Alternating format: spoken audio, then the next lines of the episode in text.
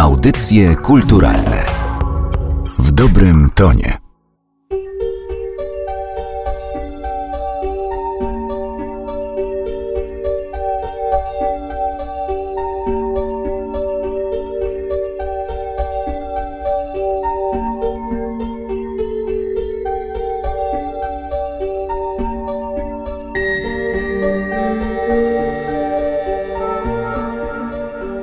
Drugiej połowie lat 80. muzycy zespołu Armia osiedlili się w Stanclewie w okolicach Biskupca. W tej niewielkiej warmińskiej miejscowości, w otoczeniu jezior i lasów, powstawała ich druga płyta Legenda, która miała stać się jedną z najważniejszych w historii polskiej alternatywy. Przeszło ćwierć wieku później stworzył ją na nowo producent muzyki elektronicznej Michał Jacaszek. Przy okazji oficjalnej premiery drugiej Legendy spotkaliśmy się z nim oraz wokalistą, autorem tekstów i współzałożycielem Armii Tomaszem Budzyńskim.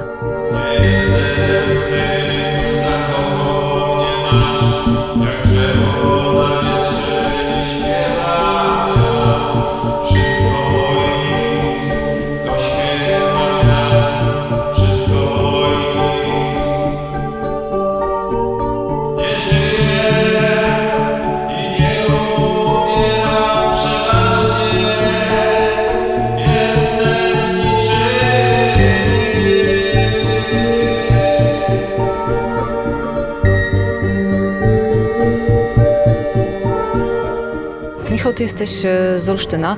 Płyta Legenda Armii powstawała w Stanclewie, czyli w okolicach. Czy ten warmiński duch gdzieś tam się unosi nad tą dekonstrukcją legendy? Artyści tak do końca nie wiedzą, skąd się coś tam mogło wziąć. I właściwie to nam czasami nawet e, recenzenci czy dziennikarze uświadamiają pewne rzeczy. I teraz jak powiedziałaś o tym, to myślę, że to ma znaczenie. Ja na przykład źle się czuję w dużych miastach. Ja lubię jak śpiewają ptaki, lubię jak jest przestrzeń i w tej muzyce, zarówno w oryginalnej e, legendzie, jak i w tej e, nowej, ta przestrzeń jest na przykład. Więc yy, gdzieś tam być może jakaś mała reminiscencja się pojawiła rzeczywiście, no bo gdyby nie ten czas dzieciństwo spędzone nad jeziorami, ja w ogóle jestem z Brągowa oryginalnie, potem dopiero się przyprowadziliśmy, to te jeziora ten horyzont mazurski myślę, że jest tam w tej muzyce. Bo na pewno to otoczenie było ważne przy powstawaniu legendy nagrywanej przez e, zespół Armia. Oczywiście to jest bardzo ważne, gdzie powstaje jakieś dzieło sztuki, bo generalnie zespoły w Polsce grają i przygotowują materiał w jakiejś śmierdzącej piwnicy najczęściej to jest tak i stąd właśnie później ta muzyka jest taka, a nie inna. Natomiast płyta Legenda powstawała po prostu w małym domku na Mazurach, gdzie zaraz za oknem był las, bardzo taki ładny las, zaraz później pola, jeziora, więc y, ta natura po prostu jest na tej płycie, ta wietrzność i przestrzenność, tak mi się wydaje i ten śpiew ptaków nawet jest, bo ja pamiętam, że jak nagrywaliśmy gitarę do jakiegoś utworu, to mieliśmy otwarte okno i pamiętam, że Robert nagrywał coś tam i nagle za oknem zaśpiewał jakiś ptak, tak dziwnie, tak zaskrzeczał czy coś i Robert natychmiast powtórzył to na gitarze. Jakiś taki efekt włączył i tego ptaka e, zaczął imitować. Więc e, to ma wielki wpływ, ta kraina leśna jest na tej płycie. Michał, nowa legenda powstawała w gdańskiej piwnicy, ale nie jest to płyta specjalnie miejska. Niektóre albumy stworzone są do tego, żeby nam towarzyszyć w autobusie albo tramwaju, a tej niespecjalnie dobrze słuchało mi się w ulicznym gwarze. Myślę, że troszeczkę subiektywnie też oceniasz y, to, w jaki sposób i gdzie takiej płyty można słuchać. Myślę, że żeby ją przeżyć, to nie trzeba koniecznie zrobić to w lesie albo gdziekolwiek indziej poza miastem. Nad morzem najlepiej, tak jak jest na okładce płyty, że stoją te dwie postaci i one tak patrzą w bezkres, a według mnie to jest jakieś morze. Wobec tej nieskończoności człowiek jest postawiony te dwie osoby patrzą w nieskończoność. To mi się bardzo podoba ta okładka i taka muzyka mi się od razu nasuwa momentalnie, jaka jest na płycie. Michał, powiedz, jak w ogóle się wpada na taki pomysł, żeby zdekonstruować legendę? Bo słuchanie legendy armii, a zaraz potem słuchanie legendy na nowo, wydaje mi się, że nie ma zbyt wiele sensu, bo tutaj nie sposób te dwie rzeczy porównywać. Mi jest bardzo trudno sobie wyobrazić ten proces, który zachodzi w Twojej głowie. Jestem ciekawa, czy Ty potrafisz to jakoś słowami opowiedzieć. Taka praca nie ma wiele wspólnego z takimi intelektualnymi dywagacjami, tak? Że sobie wymyślę, że to będzie brzmiało dokładnie w taki sposób, sposób. Było gdzieś takie zalążki najpierw, które jak to się rozgrywało na poziomie właśnie takiego myślenia o tym, to ja myślałem, że to będzie bliższe e, tej e, oryginalnej płycie, a w praniu to wychodzi po prostu. Więc to nie jest tak, że pomysł jest e, realizowany dokładnie według tego, co sobie człowiek wcześniej wymyślił, tylko to jest taki proces właśnie, który prowadzi nagle gdzieś ciebie, muzyka, którą robisz, zaczyna się improwizować też troszeczkę. No i w związku z tym do końca nie mam na to też wpływu takiego właśnie, no, że jestem w stanie to ogarnąć i zaprojektować od A do Z, tak? I w rezultacie wyszło coś, czego się trochę nie spodziewałem do końca. Płyta jest bardziej elektroniczna niż myślałem, jest taka bardziej transowa niż zakładałem wcześniej i taki rezultat troszeczkę tak by poza tym oryginalnym pomysłem powstał. Mam wrażenie, że to mogło być trochę jak rozkładanie na części zegarka, który potem trzeba poskładać na nowo, żeby dalej działał i było jakieś ryzyko, że coś tam gdzieś jednak ważnego zostanie, tak jak się często przy składaniu na powrót różnych rzeczy zdarza. Czy nie obawiałeś się, jakby podchodząc do płyty, która jest otoczona no, szczególnym kultem w Polsce, jeżeli chodzi o muzykę okołorokową? Tak, jest y, otoczona tym kultem właśnie, który prawdopodobnie spowodował, że wielu słuchaczy ją po prostu będzie kontestować, ale ja też wiedziałem w związku z tym, że to nie ma sensu powtarzać w jakikolwiek sposób tamtej estetyki. Ja nie rozłożyłem tego zegarka, tylko zbudowałem nowy, patrząc się na ten stary, o tak bym powiedział. Bo zmieniła się również y, kolejność utworów na tej nowej e, legendzie. Czy legenda ta oryginalna mogła być czytana jako płyta koncepcyjna i czy ta kolejność utworów była ważna? Na pewno była ważna kolejność słów, które się pojawiły na tej pierwszej legendzie. Na tej drugiej jest już to wszystko odwrócone. I czy to miało dla ciebie przy pracy nad tą nową płytą znaczenie? To znaczy ja trochę się właśnie obawiałem tego, y, czy ta konstrukcja, jaką jest właśnie ta pierwsza legenda, która jest takim konceptualnym dziełem, że ważne jest pierwsze słowo i ostatnie, i pierwsza litera jest ważna i ostatnia w ogóle na tej płycie. Więc ja nawet tak jak Samuel Beckett liczyłem, ile jest słów na tej płycie, ile jest y, liter, bo ja jakimś kabalistyczne miałem teorie związane z tym, co robię wtedy, w tym czasie. Więc jak Michał trochę zmieniał kolejność, to tak ja myślałem, kurczę, zobaczymy, co to będzie. Ale jednak to jest zupełnie już inne dzieło, tak ja mogę powiedzieć. Można porównać to do jakiejś rzeźby albo architektury. Tak jak legenda, można powiedzieć, jest w jakimś stylu średniowiecznym, tak muzyka na przykład y, tutaj może być jakimś stylu romantycznym albo, nie wiem, barokowym na przykład. Dajmy na to, nie? Albo inna rzeźba. No.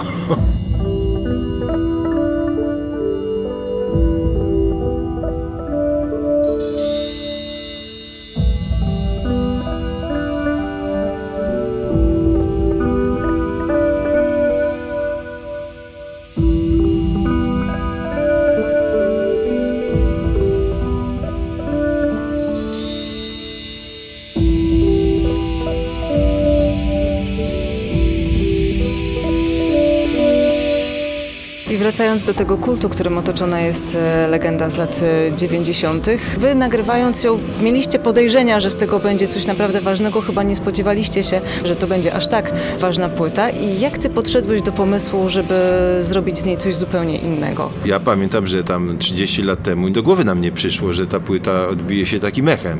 To nigdy się nie wie takich rzeczy. Czasem jest wręcz na odwrót. Czasem się ma tak, że nagrywa się coś i mówi, ale świetną rzecz nagrałem, to dopiero będzie hit a tu nic z tego, nie? A to, prawda, nikt nas się nie spodziewał czegoś takiego. Ale ja bardzo chętnie na płycie Michała wziąłem udział, ponieważ mi się jego twórczość bardzo podoba i bardzo cenię to, co on robi i szanuję i przecież nawet wspólnie gramy w zespole Rembo i tamta płyta, która wyszła Rembo, jestem z niej bardzo zadowolony, więc jeżeli mam okazję współpracować z Michałem, to ja bardzo chętnie. Ale okazało się, że też musiałeś podejść do tej swojej wcześniejszej legendy na nowo. Opowiadałeś to tutaj, no chociażby ten problem z zaśpiewaniem inaczej. Każdy ma jakąś swoją wizję interpretacji, nie? I ja tak chciałem śpiewać po swojemu, tak jak generalnie śpiewam na koncertach ten materiał, ale Michał kazał mi inaczej śpiewać. Ciszej na przykład. No i tak monodeklamować nawet, y, a nie śpiewać, no. Więc to jest zupełnie nowa jakość. A czy da się stwierdzić, ile w tej płycie jest Budzińskiego, a ile Jacaszka? Czy to jest tak, że jakby to przede wszystkim twoje były koncepty, a Tomek zaśpiewał? Mi się wydaje, że to jest przede wszystkim Jacaszka. Ja tutaj jestem gościem, tak mogę powiedzieć. Pewnie gdyby on umiał śpiewać, to by to zaśpiewał. Ale mnie wziął, więc bardzo się tutaj cieszę z tego i jestem zadowolony. To jest płyta Jacaszka. Ale chyba nie mogłaby powstać bez Tomasza Budzyńskiego. Tak, to znaczy, gdyby nie było tekstów, to może nawet i coś podobnego mogłoby powstać w sensie estetycznym, ale no, to by było już zupełnie coś innego, tak? Więc Oczywiście więcej pracy w to włożyłem, przygotowałem tą muzykę, no ale y, tę kropkę nad i jednak postawiły teksty i głos Tomka. To wszystko wtedy zamknęło się w taką spójną całością. A jeżeli chodzi o inspiracje, które towarzyszyły Ci przy pracy nad dekonstrukcją legendy, no bo w przypadku legendy, to Tomek już o tym e, dużo mówił, to i ta przyroda Stanclewa miała wpływ na to, co powstawało literatura, muzyka poważna, też zespół Genesis. A jakie były inspiracje Twoje podczas prac nad Legendą 2? Oprócz legendy, Dead Can Dance, to jest tak, że ja no, mam też na uwadze sytuację taką, żeby Tomek y, się w tym odnalazł. I tutaj no, te inspiracje Dead Can Dance też trochę wynikały z tego, że ja wiedziałem, że on w tym się dobrze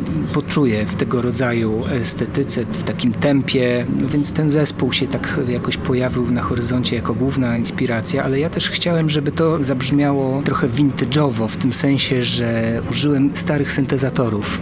Już tak zdradzając trochę kuchnię tej mojej produkcji, to to były vintage'owe syntezatory, ale w postaci wirtualnej, takie repliki, ale dobrze i autentycznie brzmiące. Także brzmienie analogowych syntezatorów to była też y, duża inspiracja. Ja już, jak to się mówi, swoje zrobiłem, czyli nagrałem pierwszą legendę, a teraz tutaj y, mój kolega, to jest jakby jego pomysł, on się z tym mierzy. Ja się już nie muszę z tym mierzyć. Ja bardzo często wykonuję te utwory na koncertach, więc to jest dla mnie, mogę powiedzieć, codzienność chyba jednak dosyć podszedłem do tego, że słuchałem tego, co Michał mówi, żebym śpiewał tak, a nie inaczej. Michał słuchał Dead Can Dance, a ty Jacaszka. No, ja słucham Jacaszka, tak, też Dead Can Dance też słucham, to jest jeden z moich ulubionych zespołów w ogóle, więc się bardzo cieszę, że płyta jakby trochę przypomina te klimaty, bo to są moje klimaty, o tak powiem. Jestem też fanem, to tak samo jak y, Michał mówi, starych syntezatorów, tych, które używał zespół Tangerine Dream w latach 70. Jestem wielkim fanem takich płyt jak Stratosphere czy Ricochet na przykład, więc idealnie się tutaj, że tak powiem, dogadujemy. I choć te dwie legendy są tak różne, to wydaje mi się, że one jednak niosą bardzo podobny ładunek emocjonalny, bo ten niepokój, który był na legendzie armii, jest słyszalny również na legendzie Jacaszka, czy możemy tak mówić? No, legenda Jacaszka, no, nie mógłbym tego zrobić, gdybym nie znał legendy Budzyńskiego, więc to tak myślę pół na pół, ale rzeczywiście to byłoby dla mnie duży komplement, gdyby ktoś e, ocenił ten materiał w taki sposób, że jakkolwiek estetyka jest zupełnie różna, to ma to wspólnego ducha, tak? że to jest tego samego rodzaju atmosfera. O tak. A jeżeli chodzi o koncerty, bo zalążkiem zdekonstruowanej legendy był koncert w 2016 roku na festiwalu w Jarocinie. Ta legenda od tego koncertu potem się zmieniła, żeby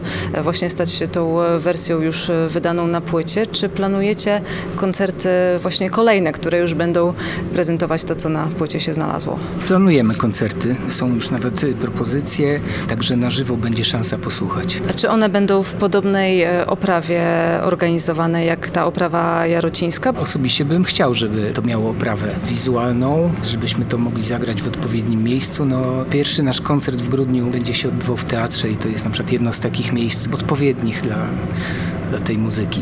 Ty swojego czasu, Tomek, słynąłeś z różnych nakryć głowy, które w różnych e, momentach twojej twórczości się pojawiały. Czy dekonstrukcja legendy byłaby okazją, żeby coś nowego na głowę włożyć? Zobaczymy. Ja zawsze występuję w jakiejś czapce, ponieważ się szybko wyłysiałem i jako tam dwudziestoparolatek bardzo się wstydziłem, że mam na głowie taki placek bez włosów i musiałem zakładać czapki, żeby to ukrywać i tak już mi zostało. Nie wiem, czy coś wymyślę na te koncerty, zobaczymy. Może jakiś turban.